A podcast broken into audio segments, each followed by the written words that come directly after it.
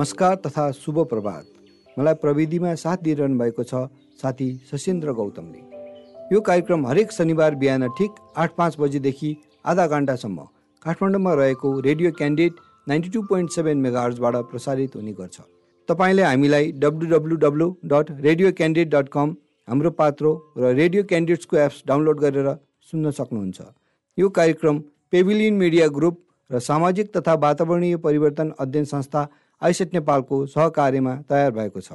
धरती र आकाशभित्र पर्ने हावा पानी र समग्र वातावरणसँग सम्बन्धित विषयबारे जानकारी यस कार्यक्रम मार्फत तपाईँलाई दिने प्रयास गरेका छौँ। वातावरण र जलवायु परिवर्तनसँग सम्बन्धित विषयलाई जो कोहीले पनि बुझ्न सक्ने सरल भाषामा प्रस्तुत गर्ने हाम्रो उद्देश्य हो। साथै विभिन्न क्षेत्रमा काम गर्ने व्यक्तिहरूको जलवायु परिवर्तन सम्बन्धी धारणा र उहाँहरूको कामको अनुभव बुझ्ने प्रयास यस कार्यक्रम मार्फत हामी गर्नेछौँ। आज हामीले डाक्टर चन्द्र प्रसाद पोखरेलसँग कुराकानी गर्दैछौँ। उहाँ त्रिभुवन विश्वविद्यालयको वनस्पति शास्त्र केन्द्रीय विभागको सहप्राध्यापक र नेपाल विज्ञान तथा प्रविधि प्रज्ञा प्रतिष्ठानका सहप्राज्ञ हुनुहुन्छ। उहाँको अध्ययन माटो र विज्ञान र कृषिमा जैविक विविधतामा केन्द्रित छ। उहाँको जलवायु सम्बन्धी धारणा र उहाँले यस विषयमा गर्नुभएको अनुसन्धानका बारेमा हामी कुराकानी गर्दैछौँ। स्वागत छ तपाईँलाई कार्यक्रम धरती आकाशमा। हस् धन्यवाद। करिब दुई हप्ता अगाडि नेपालका विभिन्न भागमा बाढी पहिरोका घटना भए जसमा सयजनाभन्दा बढी व्यक्तिहरूले ज्यान गुमाएका थिए र दर्जनौ बेपत्ता भए। बझाङको पहिरोमा मात्रै तेइसजनाले ज्यान गुमाउनु परेको थियो। करोडौँ धनजन नोक्सान भयो।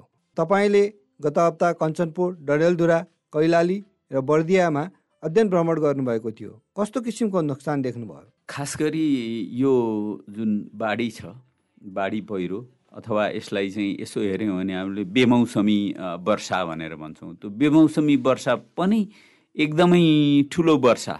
एराटिक रेनफल अथवा एकदमै डाउनपोर किसिमको चाहिँ ठुलो वर्षा चाहिँ भयो।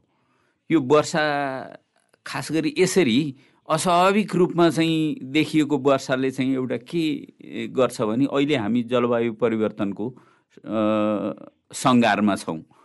जलवायु परिवर्तनका कारणले गर्दा यस्ता अस्वाभाविक वर्षाहरू देखिएका छन्।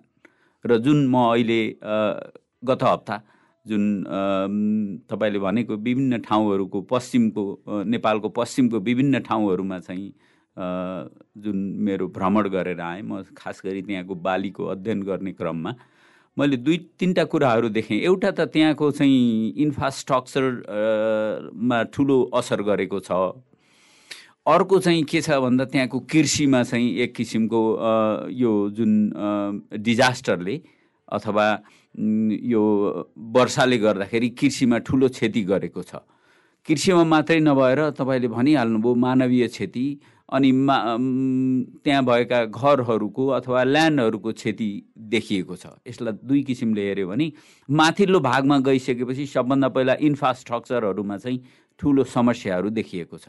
अथवा बाढी जाने पहिरो जाने त्यहाँका पुल भत्काउने बाटोहरू भत्काउने त्यो सबै हेर्दाखेरि के लाग्छ भने कता कता हाम्रो डेभलपमेन्टमा समस्याहरू हो कि? प्रत्येक पचास मिटरको डिस्टेन्समा चाहिँ बाटोहरू भत्किएको छ माथिबाट। अब त्यो बाटो बनाउँदाखेरि प्रपरली चाहिँ इन्जिनियरिङ नगरेको कारणले गर्दाखेरि त्यस्तो भत्किएको हो कि? त्यसलाई बनाउँदाखेरि व्यवस्थित रूपमा नगरेको हो कि भन्ने लाग्छ। त्यसले गर्दाखेरि त्यो एउटा समस्या छ। जब त्यो भत्कियो त्यो भत्किसकेपछि अथवा त्यहाँको माटोहरू चाहिँ छेउ हुँदै गएर एउटा बाढीको रूपमा परिणत भएर तल्लो लेभलको अब यो डाउन तलको र तल्लो तटीय र माथिल्लो भागको एउटा यो डिजास्टरसँगको सम्बन्ध प्रष्ट रूपमा देख्न सकिन्छ। माथिल्लो भागमा ठुलो समस्याहरू छ अथवा बाढी आएको छ त्यहाँबाट पहिरो गएको छ त्यो बग्दै आएर तल आएर लो ल्यान्डहरूलाई चाहिँ के गरेका छ भन्दा पुरा डुबानमा परेको छ। यसको चाहिँ एउटा त इन्फ्रास्ट्रक्चरहरू बिग्रिएको छ भूक्षय भएको छ त्यो एउटा देखिया छ। तलपट्टि आएर चाहिँ टोटल तपाईँको चाहिँ नदी कटानहरू भएको चाहिँ अवस्था छ र त्यो नदीको कर्णाली नदीको लगायत अरू साना नदीहरूको बाढीहरू पसेर त्यहाँको चाहिँ एग्रिकल्चर चाहिँ समाप्त गरेको अवस्था छ। अब हामीले यसरी हेऱ्यौँ भने चाहिँ त्यहाँ चाहिँ लाखौँ किसानहरूको हजारौँ किसानहरूको धान चाहिँ पुरै बगाइदिएको छ। नदी पसेर अथवा त्यो नदीको बेगले चाहिँ भित्र पसेर चाहिँ पुरै बगाइदिएको छ। एउटा किसानको धानको खेत अर्कोमा पुगेको छ अर्को किसानको धान। अर्कोमा पुगेको छ यसरी चाहिँ बगाएको अवस्था छ। माथिबाट जुन बाढी आयो त्यसले गर्दाखेरि एउटा समस्या त्यहाँनिर देखिन्छ। अर्को चाहिँ धेरै पानी वर्षा भएको कारणले गर्दाखेरि अब करिब करिब यो त वर्षा नहुने समय हो। वर्षा चाहिँ वर्षा चाहिँ कम भइसकेको अवस्था। किसानहरूको पर्सेप्सनमा पनि अब त वर्षा गइसक्यो अब अब अब पानी पर्दैन भनेर टोटल्ली उनीहरूले धान चाहिँ काटेर न खेतमा फिजाएको सुकाएको अथवा सानो त्यो उनीहरूले खराई अथवा त्यो धानको चाहिँ कुन्युहरू बनाएर राखेको अवस्था चाहिँ छ। अब त्यसमा चाहिँ त्यो एउटा त बगायो अर्को चाहिँ त्यसलाई पूर्ण रूपमा चाहिँ डुबाएको छ। डुबाएको छ त्यहाँ पराल कुहेको छ त्यहाँ धानका सिडहरू कुहेका छन् अनि चाहिँ धान पुरिएको छ अर्को चाहिँ धान त्यो पानीले गर्दाखेरि ढलेको अवस्था छ। बैतडीमा गएर हेरेको त्यो धानको सिडहरू चाहिँ खेतमा एकदमै नराम्ररी झरेको अवस्था छ। भनेपछि ग्रेन जुन छ अथवा चाहिँ हाम्रो चाहिँ धानको सिडहरू छ त्यो चाहिँ पूर्ण रूपमा नष्ट भएको अवस्था चाहिँ छ त्यहाँ। धेरै हेऱ्यो भने। अब त्यसमा त्यति मात्रै नभएर त्यहाँ धान उम्रिएको अवस्था छ। डाक्टर साहब म यही नै हजुरलाई सोध्न चाहन्छु कि पहिला पहिला त धान उम्रिन कमसे कम आठ दस दिन लाग्थ्यो। तर दुई दिनमा पानी पर्यो त्यो पानीले त्यही धान त्यहाँ कसरी उम्रियो त? अब खास गरी चाहिँ यो धान डुबेपछि उम्रियो पानीमा भिजेको कारणले उम्रियो। तपाईँले भने जस्तो आठ दस दिन लाग्थ्यो। अहिले चाहिँ के छ भन्दाखेरि हाम्रो यो सिड जुन छ यो चाहिँ जेनेटिकल्ली मोडिफाइड अर्थात् हाइब्रिड अथवा इम्प्रुभको नाममा जुन धानहरू आएको छ त्यो सिड चाहिँ छिटो उम्रिने छिटो बढ्ने छिटो पाक्ने त्यस्तो छ। भनेपछि त्यसको भाइबिलिटी पनि एकदमै छिटो हुन्छ त्यो त्यो धानहरूको। तपाईँले भने जस्तो हाम्रो पुरानो भेराइटिजहरू हेऱ्यौँ भने चाहिँ त्यो चाहिँ आठ दिन सुकाउनु पर्थ्यो फेरि थिच्नु पर्थ्यो।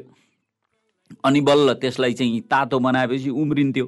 अहिलेको जो जुन जुन हाम्रो सिफारिस गरिएका धानका बालीहरू छन् तिनीहरू चाहिँ खास त्यो कारण चाहिँ हो।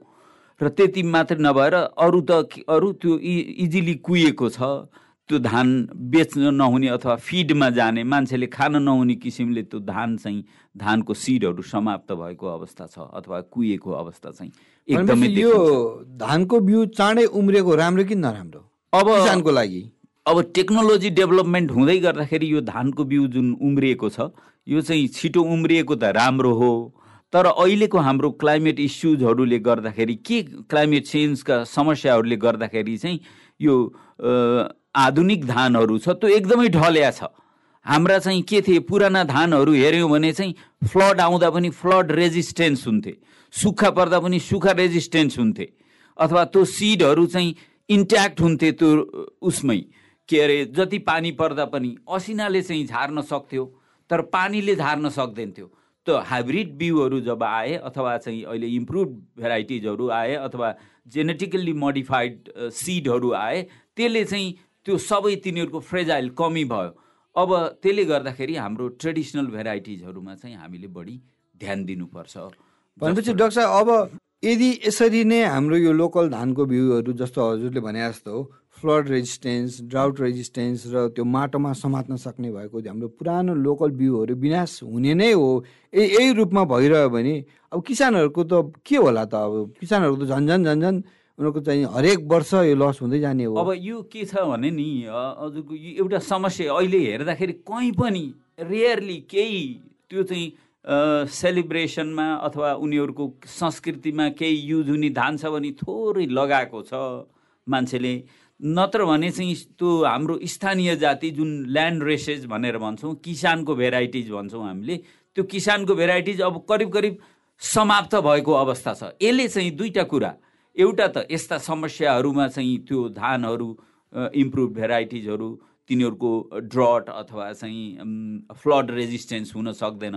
त्यसले गर्दा यो जुन जलवायु परिवर्तनका समस्याबाट आउने जुन जुन समस्याहरू छ त्यसमा यो धान जुझ्न सक्दैन। त्यसले गर्दा कुनै पनि बेला चाहिँ त्यो धान लस्ट हुन सक्छ।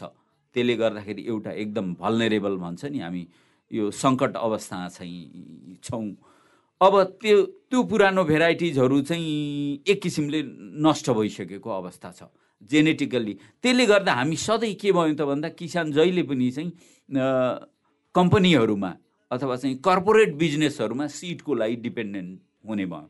त्यसले गर्दाखेरि अब किसानको चाहिँ त्यसलाई चाहिँ साँच्चै भन्ने भने चाहिँ सम्प्रभुता एग्रिकल्चरको सभेरिनिटी चाहिँ सम्प्रभुता चाहिँ अलमोस्ट यो खतम हुने अवस्था छ। हामी पुरै अरूमा डिपेन्ड हुने भयो हाम्रो किसानहरू। त्यसले गर्दा समयमा बिउ नपाउने। अर्को हुने। अहिले भर्खरै भक्तपुर हेर्नुभयो भने चाहिँ किसानहरूले जुलुस निकालिरहेको अवस्था छ। धान चाहिँ सिड लायो तर भित्र चाहिँ धान छँदै छैन चामल छँदै छैन। यस्ता खालका समस्या। दुई तपाईँ चार पाँच वर्ष अगाडि हेर्नुभयो नि तराईको धेरै जिल्लाहरूमा मकै फलेकै थिएन घुङ्गा लाग्छ तर भित्र सिडै छैन। यस्ता खालका समस्याहरू किसानले बिहोर्नु पर्ने अवस्था छ। त्यसकारण खास गरी चाहिँ हाम्रो यो जुन जेनेटिक रिसोर्सेसहरू छ ट्रेडिसनल भेराइटिजहरू छ त्यसमा कहिले पनि त्यस्तो समस्या आउँदैन। हालाकि थोरै फल्ला तिनीहरूको टेस्टको अथवा तिनीहरूको स्वादको स्तर पनि राम्रो हुन्छ न्युट्रियन्सको स्तर पनि राम्रो हुन्छ। तिनी पाक्नलाई अलिक समय लामो चाहिँ लाग्छ। अब यी छिटो हुने अब फल्दाखेरि धेरै फल्ने जुन आकर्षक देखाइएको छ त्यो हामीलाई कुनै पनि बेला चाहिँ यो राष्ट्रलाई चाहिँ फेटल हुन चाहिँ सक्छ जस्तै अहिले भनेपछि डाक्टर साहब जलवायु परिवर्तनले हामीले धेरै अध्ययनहरूले के पनि देखायो भन्दाखेरि यी यो केही वर्ष यता यस्ता किरा फट्याङ्ग्राहरू जल बाली नालीमा लाग्ने किरा एकदमै बढेको देखाएको छ होइन? हजुरले पनि यसमा अध्ययनहरू पनि गर्नुभएको छ हजुरको र भ्रमण पनि गर्नुभएको छ र यो अध्ययन र भ्रमण र अनुभवले के देखाउँछ त? अब यसमा के सम्बन्ध देखाउँछ जलवायु परिवर्तन र यो किरा फट्याङ्ग्रा दुई दुई किसिमले किरा फट्याङ्ग्राहरूको चाहिँ प्रकोप चाहिँ बढ्छ। यदि तपाईँले बालीमा विविधीकरण गर्नुभयो भने हाम्रो ट्रेडिसनल भेराइटिजहरू लाउनुभयो भने केही पार्टिकुलर इन्सेक्ट अथवा चाहिँ डिजिजहरू भयो फन्जाई भयो ब्याक्टेरियल डिजिजहरू भयो उनीहरूको चाहिँ होस्ट भन्छ जहाँ तिनीहरू ग्रो हुन्छन्। तिनीहरू फरक फरक आफ्नो रोजाइ अनुसारको भेराइटीमा चाहिँ लाग्छन्। तर अहिले के भयो त भन्दाखेरि सबैले एउटै खालको बाली लाउँदाखेरि सबै खालका रोग किराहरू त्यसैमा एउटैमै डिपेन्ड गर्ने भयो। कसैले बासमतीको स्वाद मन पराउँथ्यो भने कसैले मनसुलीको पराउँथ्यो होला किरा फट्याङ्ग्राहरूले। त्यसले गर्दाखेरि एउटा त हाम्रो जुन एग्रिकल्चरको डाइभर्सिफिकेसन समाप्त भएर हामी मोनोकल्चरतिर गयौँ एकै किसिमको गऱ्यौँ त्यसले गर्दाखेरि चाहिँ यो किरा फट्याङ्ग्राहरूको प्रकोप बढ्दो अवस्था चाहिँ छ। अर्को। अर्को कुरो चाहिँ तपाईँले यो किरा फट्याङ्ग्राहरूको छ। एउटा त यिनीहरूको रेजिस्टेन्स बढी हुन्छ यिनीहरू इजिली चाहिँ आफूलाई सर्भाइभ गर्न सक्छन्। त्यसले गर्दा र अर्को जलवायु परिवर्तनले गर्दाखेरि तिनीहरूको रिप्रोडक्सनहरू चाहिँ फास्ट हुने र तिनीहरूको नम्बर पपुलेसन चाहिँ इन्क्रिज हुन्छ र तिनीहरू अप्ठ्यारो परिवर्तित जलवायुमा पनि अथवा परिवर्तित कन्डिसन्सहरूमा नि इन्भाइरोमेन्टल कन्डिसनहरूमा पनि सर्भाइभ गर्न सक्छन्। त्यसले गर्दा किरा फट्याङ्ग्रा मात्रै नभएर ब्याक्टेरिया फन्जाइहरूको रोगको प्रकोप चाहिँ बढी देखिएको छ। अब जस्तै हामीले इक्जाम्पल हेऱ्यौँ भने यो सल जुन आएको थियो त्यो खास गरी चाहिँ अफ्रिकाको केही ठाउँहरूबाट चाहिँ जहाँ बढी वर्षा भएको थियो त्यो ठाउँमा चाहिँ यिनीहरूको चाहिँ रिप्रोडक्सन हाई भयो। होइन? त्यो रिप्रोडक्सन हाई भएको कारणले आवश्यकताभन्दा बढी भयो। त्यसले गर्दाखेरि तिनीहरू के भयो त भन्दा इजिली ग्रो भए अथवा चाहिँ इजिली रिप्रोडक्सन भयो। तिनीहरूको चाहिँ एउटा पपुलेसन चाहिँ हाई भयो अनि उनीहरू मुभ गरेर चाहिँ हामीकोसम्म पाहाडसम्म आइपुगे त्यस्तो ट्रपिकल अथवा गर्मी ठाउँहरूबाट। यसले चाहिँ के देखाउँछ भन्दा जलवायु परिवर्तनले गर्दाखेरि किराहरूको रिप्रोडक्सन कुनै कुनै बढी पानी भयो भने चाहिँ रिप्रोडक्सन गर्न सक्ने भयो। जस्तो अप्ठ्यारो कन्डिसनमा पनि यिनीहरूले आफूलाई चाहिँ इन्ट्याक्ट राख्न सक्ने भयो समयअनुसार परिवर्तन परिवर्तन गर्न सक्ने भयो त्यसले गर्दाखेरि यिनीहरूको प्रकोप देखिएको छ। भनेपछि र अर्को चाहिँ जलवायु अर्को आउनुभन्दा अगाडि म सानो यही सलहकै कुरा गर्दाखेरि सलह यता हाम्रो भेगतिर आउनु पानीको कारणले आएको कि यो तापक्रम बढेको कारण यस्तो छ। अब उनीहरूको जहाँ चाहिँ रिप्रोडक्सन भएर चाहिँ मास प्रोडक्सन भयो त्यहाँ चाहिँ त्यो जलवायु परिवर्तन उनीहरूको बढी बढी चाहिँ रेनफल भएको कारणले उनीहरूको त्यो देखिएको भनेर भन्छ होइन? अब यहाँ आउने क्रममा चाहिँ एउटा त यो मुभ यिनीहरू गर्छन् र यहाँ आउनु कारण र यहाँ एडप्ट हुन सक्ने अवस्थामा हुनु कारण चाहिँ अलिकति जलवायु परिवर्तन टेम्परेचर बढेको कारणले पनि हो। हजुर। त्यो त्यो त्यसरी चाहिँ यसलाई लिन सकिन्छ। र अर्को चाहिँ के छ भन्दा जलवायु परिवर्तनको एउटा तपाईँको यो हेल्थ रेनफल भयो अथवा टेम्परेचर चेन्ज भयो यो किरा फट्याङ्ग्रा र रोगहरूको प्रकोप चाहिँ जलवायु परिवर्तनको एउटा मेजर इन्डिकेटर्सहरू पनि हुन्। त्यसले गर्दाखेरि यिनीहरू आफै अब इन्भेसिभ स्पेसिजहरू अथवा अरूहरूको चाहिँ इजिली चाहिँ त्यो चेन्जिङ इन्भाइरोमेन्टमा उनी आफूलाई सजिलै एडप्ट गर्न सक्छन्। उनीहरूको रेजिस्टेन्स चाहिँ बढ्छ। त्यसले गर्दाखेरि चाहिँ यो प्रकोप यो किरा फट्याङ्ग्राको प्रकोप चाहिँ बढेको। भने डाक्टर साहब अब के बुझ्यो भन्दाखेरि अब जलवायु परिवर्तनको कारणले गर्दाखेरि किरा फट्याङ्ग्रा पनि बढ्ने भयो टेम्परेचर पनि फरक हुने भयो भने किसानले त कुनै न किसिम किसिम किसिमबाट हरेक वर्ष क्षति बेहोर्नु तर यो इन्फर्मेसन यो सूचना के तरिका छ? त कसरी हामी किसानलाई दिन्छौँ? अब यो त खास गरी त्यो यो जुन यो खास गरी सरकारबाट हुनुपर्ने हो। त्यो किसानहरूलाई डाइरेक्टली त्यसको कन्सिक्वेन्सेस तपाईँ धेरै धेरै फर्टिलाइजर हाल्नुहुन्छ धेरै पेस्टिसाइड हाल्नुहुन्छ धेरै मल हाल्नुहुन्छ नयाँ भेराइटी ल्याउँदाखेरि कस्ता कस्ता समस्या तपाईँले झेल्नुपर्छ भन्ने कुराको चाहिँ उनीहरूलाई ज्ञान छैन। उनीहरूसँग आफ्नो पुरानो टेक्नोलोजी हेऱ्यो भने एकदमै राम्रो छ फेरि। तर त्यो टेक्नोलोजीलाई अपग्रेड नगरेर हामी नयाँ खालको टेक्नोलोजी इन्टरभेन्सन गरेर अथवा त्यहाँ इम्प्लिमेन्ट गरिरहेछौँ त्यसले गर्दाखेरि किसानहरूले त्यो परिवर्तित सन्दर्भमा जुन किसानले लगाउने बिउहरू छ त्यो बिउको कति भल्नरेबिलिटी छ अथवा कति तिनीहरू चाहिँ कमजोर छन् र कसरी तिनीहरूबाट समस्या उत्पन्न गर्छ भन्ने कुरामा चाहिँ किसान अवेर चाहिँ छैनन्। र अर्को चाहिँ किसानको पनि के छ भन्दा छेउकोले अर्कोले चाहिँ एकदमै राम्रो बाली लायो अर्कोको चाहिँ उत्पादन बढ्यो भनेर त्यही लाइनमा चाहिँ किसानहरू गइरहेछन्। अब त्यसमा पनि अलिकन अवेरनेसको जरुरी छ। तपाईँहरूले जानेको तपाईँहरूको पहिलेदेखि भएको टेक्नोलोजी त्यसलाई चाहिँ इम्प्रुभ गर्नुहोस् भन्दा पनि हामी बाहिरबाट के छ त? ग्लोबल मार्केटमा के छ? कर्पोरेट बिजनेसहरूले के गरिरहेछन्? त्यसमा जान्छौँ। हामी त कर्पोरेट बिजनेस टाइपको त हाम्रा फार्मर्सहरू छैनन् नि। हाम्रो त स्मल फार्मर्सहरू छ। उसले सानो एरियाको चाहिँ थोरै धान अथवा उसको थोरै लस हुँदा पनि सबै लस हुन्छ कि? देशको लागि थोरै लस भए पनि किनभने there is a small farmer त्यसले गर्दाखेरि अलिकन हाम्रो चाहिँ के छ भन्दा स्मल फार्म्स लार्ज बेनिफिटको कन्सेप्टबाट चाहिँ जानुपर्छ जस्तो चाहिँ लाग्छ। अलिकन किसानहरूको पनि त्यहाँनिर ल्याकिङ छ। डाक्टर साहब अब हामी अन्त अन्ततिर आइसक्यौँ। अब कसरी हेरौँ भन्दाखेरि यसपालिको वर्षाले किसानको उठिफास त भयो। भयो। होइन? अर्कोतिर यो जेनेटिकली मोडिफाइड चाहिने हाइब्रिड सिडहरूले ल्याएर खेती पनि खतमै हुने भएको छ। धानको एकातिर किराले खाएको छ भने अर्को पानीले बगाएर लगेर अथवा पानी बाढीले खतम पुग्यो। सरकारले यताबाट दिने भनेको किसानहरूलाई केही राहत त दिन्छु भनेर भनेको सुनिएको सुन्नमा आएको छ। दस हजार चाहिँ नि प्रत्येक किसानलाई दिने भनेर आएको छ। तर यतिले उनीहरूको छाक टर्न पुग्छ त वर्षभरि खाने त उनीहरूको यही बालीबाट थियो। अब यस्तो छ वर्षको भरि खाले बाली मात्रै होइन। अलिअलि बेचेर उनीहरूको बच्चाको फिस तिर्ने कपडा लगाउने धेरैको चाहिँ आम्दानीको स्रोत लाइभलीहुडको अप्सनै त्यही हो। अब उसले चाहिँ खाने चिज पनि छैन अथवा उसको आम्दानी पनि समाप्त भएकोले त्यो दस हजार रुपियाँ भने नथिङ अथवा त्यो केही पनि होइन। एउटा राहत होला सरकारले सम्झिएको अवस्था चाहिँ होला तर त्यो केही पनि होइन। त्यसले गर्दाखेरि किसानहरूलाई खान पुग्ने त कुरै भएन नि।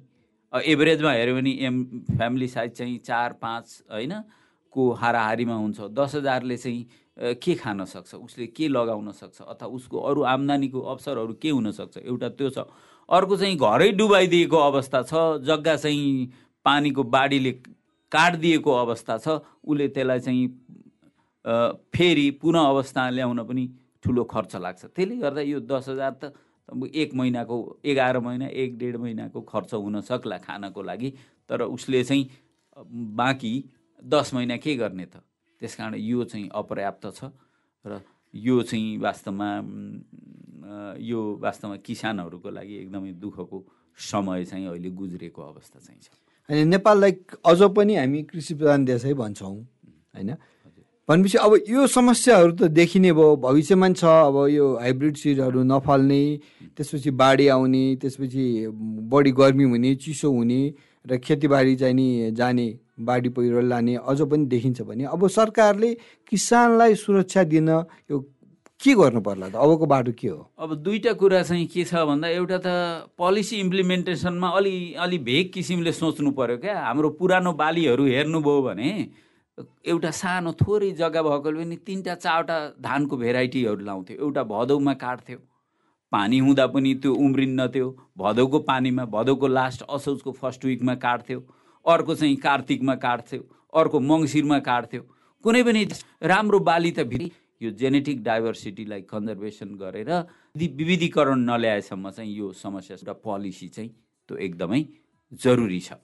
र अब के भन्दाखेरि इम्प्रुभको नाममा अब यसरी इम्प्रुभ भेराइटिजहरू तपाईँले दिँदै जेनेटिकल्ली मोडिफाइड अर्गानिजम्सहरू सिफारिस गर्दै गर्दा किसानलाई अर्को बर्डन पनि छ क्या। किरा लाग्छ पेस्टिसाइड हाल्नु पर्यो अनि फर्टिलाइजर हाल्नु पर्यो इरिगेसनको व्यवस्था गर्नु पर्यो उसको एक्स्ट्रा चाहिँ त्यसमा चाहिँ इन्भेस्टमेन्ट हुन्छ। फल्दा थोरै फली फले पनि कस्ट बेनिफिटबाट हेर्दाखेरि त्यति फरक चाहिँ देखिन्न। त्यसले गर्दाखेरि चाहिँ हाम्रो बालीमा विविधीकरण लिएर आउने। यो चाहिँ एउटा अत्यन्त ब धेरै महत्त्वपूर्ण पार्ट्स चाहिँ जस्तो लाग्छ मलाई चाहिँ।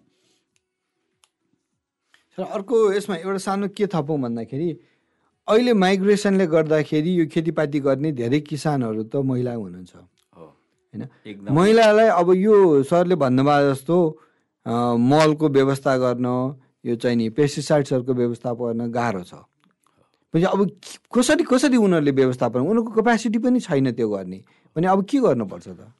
अब खास गरी चाहिँ महिला एकदमै फिल्डमा हेर्दाखेरि धान काट्ने अथवा धान उठाउने धान छाँट्ने तपाईँ हेर्नुभयो यो बैतडीमा हेर्नुभयो अथवा चाहिँ यो हामीले डडेलधुराको जोगबुढा क्षेत्रमा हेऱ्यौँ अर्थात् यो अर्को चाहिँ यो जोरायल भन्ने चाहिँ ठाउँ रहेछ। यो त्यहाँ त्यहाँ हेर्दाखेरि के देखियो भने सब महिलाहरूले गरिरहेछन्। एक एकदमै एग्रिकल्चरमा फेमिनाइजेसन छ। मैले उहाँहरूलाई चाहिँ सोधेँ पनि। अनि यो जोत्ने कामहरू पनि तपाईँ गर्नुहुन्छ कि तपाईँको श्रीमानले गर्नुहुन्छ भनेर उहाँहरूलाई मैले प्रश्न पनि गरेँ। होइन गर्नुहुन्छ भनेर चाहिँ भन्नुहुन्छ। तर तैपनि चाहिँ बढीभन्दा बढी सिडलाई व्यवस्थापन गर्ने उहाँहरू नै सिडलाई सुकाउने उहाँहरूलाई ग्रेन रेडी गर्ने उहाँहरू सब सब त्यो गाईबस्तुको फरेजहरूको व्यवस्थापन उसलाई दिने सबै काम हो। वास्तवमा एग्रिकल्चरमा फेमिनाइजेसनको एकदमै डोमिनेन्सी छ। त्यसले गर्दाखेरि चाहिँ अलिकन हाम्रो मल बिउहरूको चाहिँ लोकल लेभलमा स्थानीय स्तरमा चाहिँ सबै ठाउँहरूमा वार्ड वार्डमा राम्रो किसिमले व्यवस्थापन गर्न सक्यो भने उनीहरूले चाहिँ त्यसलाई एक्सेस गर्न सक्छन् होइन भने चाहिँ गाह्रो छ। अर्को चाहिँ त्योभन्दा पनि हामीले लोकल फर्टिलाइजरहरूलाई अथवा चाहिँ लाइभ स्टक कम्पोस्टहरू होस् अथवा चाहिँ मेन्युअर भनौँ न मेन्युअरहरू अर्ग्यानिक मेन्युअरहरूलाई बढायो भने त्यसको चाहिँ एग्रिकल्चर सस्टेनेबिलिटी पनि भयो। पिपुललाई चाहिँ डिपेन्डेन्सी चाहिँ कम भयो। पैसा नभएको किसानहरूले कहाँबाट किन्ने होइन? त्यस्तो खालको त्यस्ता खालका कार्यक्रमहरू सञ्चालन गरेर त्यसले दुईवटा एउटा क्लाइमेट रिजिलेन्स र क्लाइमेट एडेप्टेसनमा पनि सपोर्ट गर्छ। अर्को चाहिँ पिपुलको लाइभलीहुड र सस्टेनेबल एग्रिकल्चरमा चाहिँ त्यसले ठुलो कन्ट्रिब्युसन गर्छ। त्यसकारण मलाई लाग्छ सरकारले त्यसरी जाने। बालीमा चाहिँ विविधीकरण हाम्रा जेनेटिक रिसोर्सेसहरूलाई कन्जर्भेसन गरेर तिनलाई प्रमोट गर्नु पर्यो। पुरानो भेराइटिजहरूलाई प्रमोट गर्नु पर्यो। मैले भनिहालेँ नि तिन किसिमका बाली लाउँथ्यो। कुनै न कुनै डिजास्टर आइहाले पनि दुई बाली भित्रिसके हुन्थ्यो। अथवा चाहिँ धेरै वर्ष भयो त्यो बाली रेडी भइसकेको हुन्नथ्यो होइन? अथवा एकदमै सुक्खा पऱ्यो भने पनि तिनीहरू सर्भाइभ गर्न सक्थे। केही न केही मान्छेले भित्राएको अवस्था हुन्थ्यो। त्यसले गर्दाखेरि अलिकन बालीमा विविधीकरण चाहिँ गर्न जरुरी छ। अनि यहाँको नेचुरल रिसोर्सेसहरू वाटर कन्जर्भेसन्सहरूलाई चाहिँ प्रमोट गर्ने। अनि त्यसपछि आएर तपाईँको सोयल कन्जर्भेसनलाई चाहिँ प्रमोट गर्यो भने चाहिँ यो जुन एग्रिकल्चरमा देखिएका समस्याहरू छन् त्यसले चाहिँ त्यसलाई न्यूनीकरण चाहिँ गर्न त्यसलाई चाहिँ कम गर्न चाहिँ सकिन्छ। हस् डाक्टर साहब धेरै धेरै धन्यवाद कार्यक्रम धरती आकाशलाई समय दिनुभयो। हस् धन्यवाद। हस् त आजको कार्यक्रम तपाईँलाई कस्तो लाग्यो? हाम्रो email info at radio dot com वा हाम्रो फोन नम्बर चार दुई दुई दुई तिन आठ शून्यमा प्रतिक्रिया दिन नभुल्नुहोला। आजलाई भने कार्यक्रम धरती आकाशबाट यहीँ विश्राम लिन्छु। प्रविधि संयोजक सशिन्द्र गौतमजीलाई धन्यवाद। आगामी शनिबार फेरि भेट हुनेछ। तबसम्म म कञ्चनमणि दीक्षित पनि विदा भएँ। वातावरण संरक्षण गर्न आजैबाट एक पाइला अगाडि बढौँ। नमस्कार।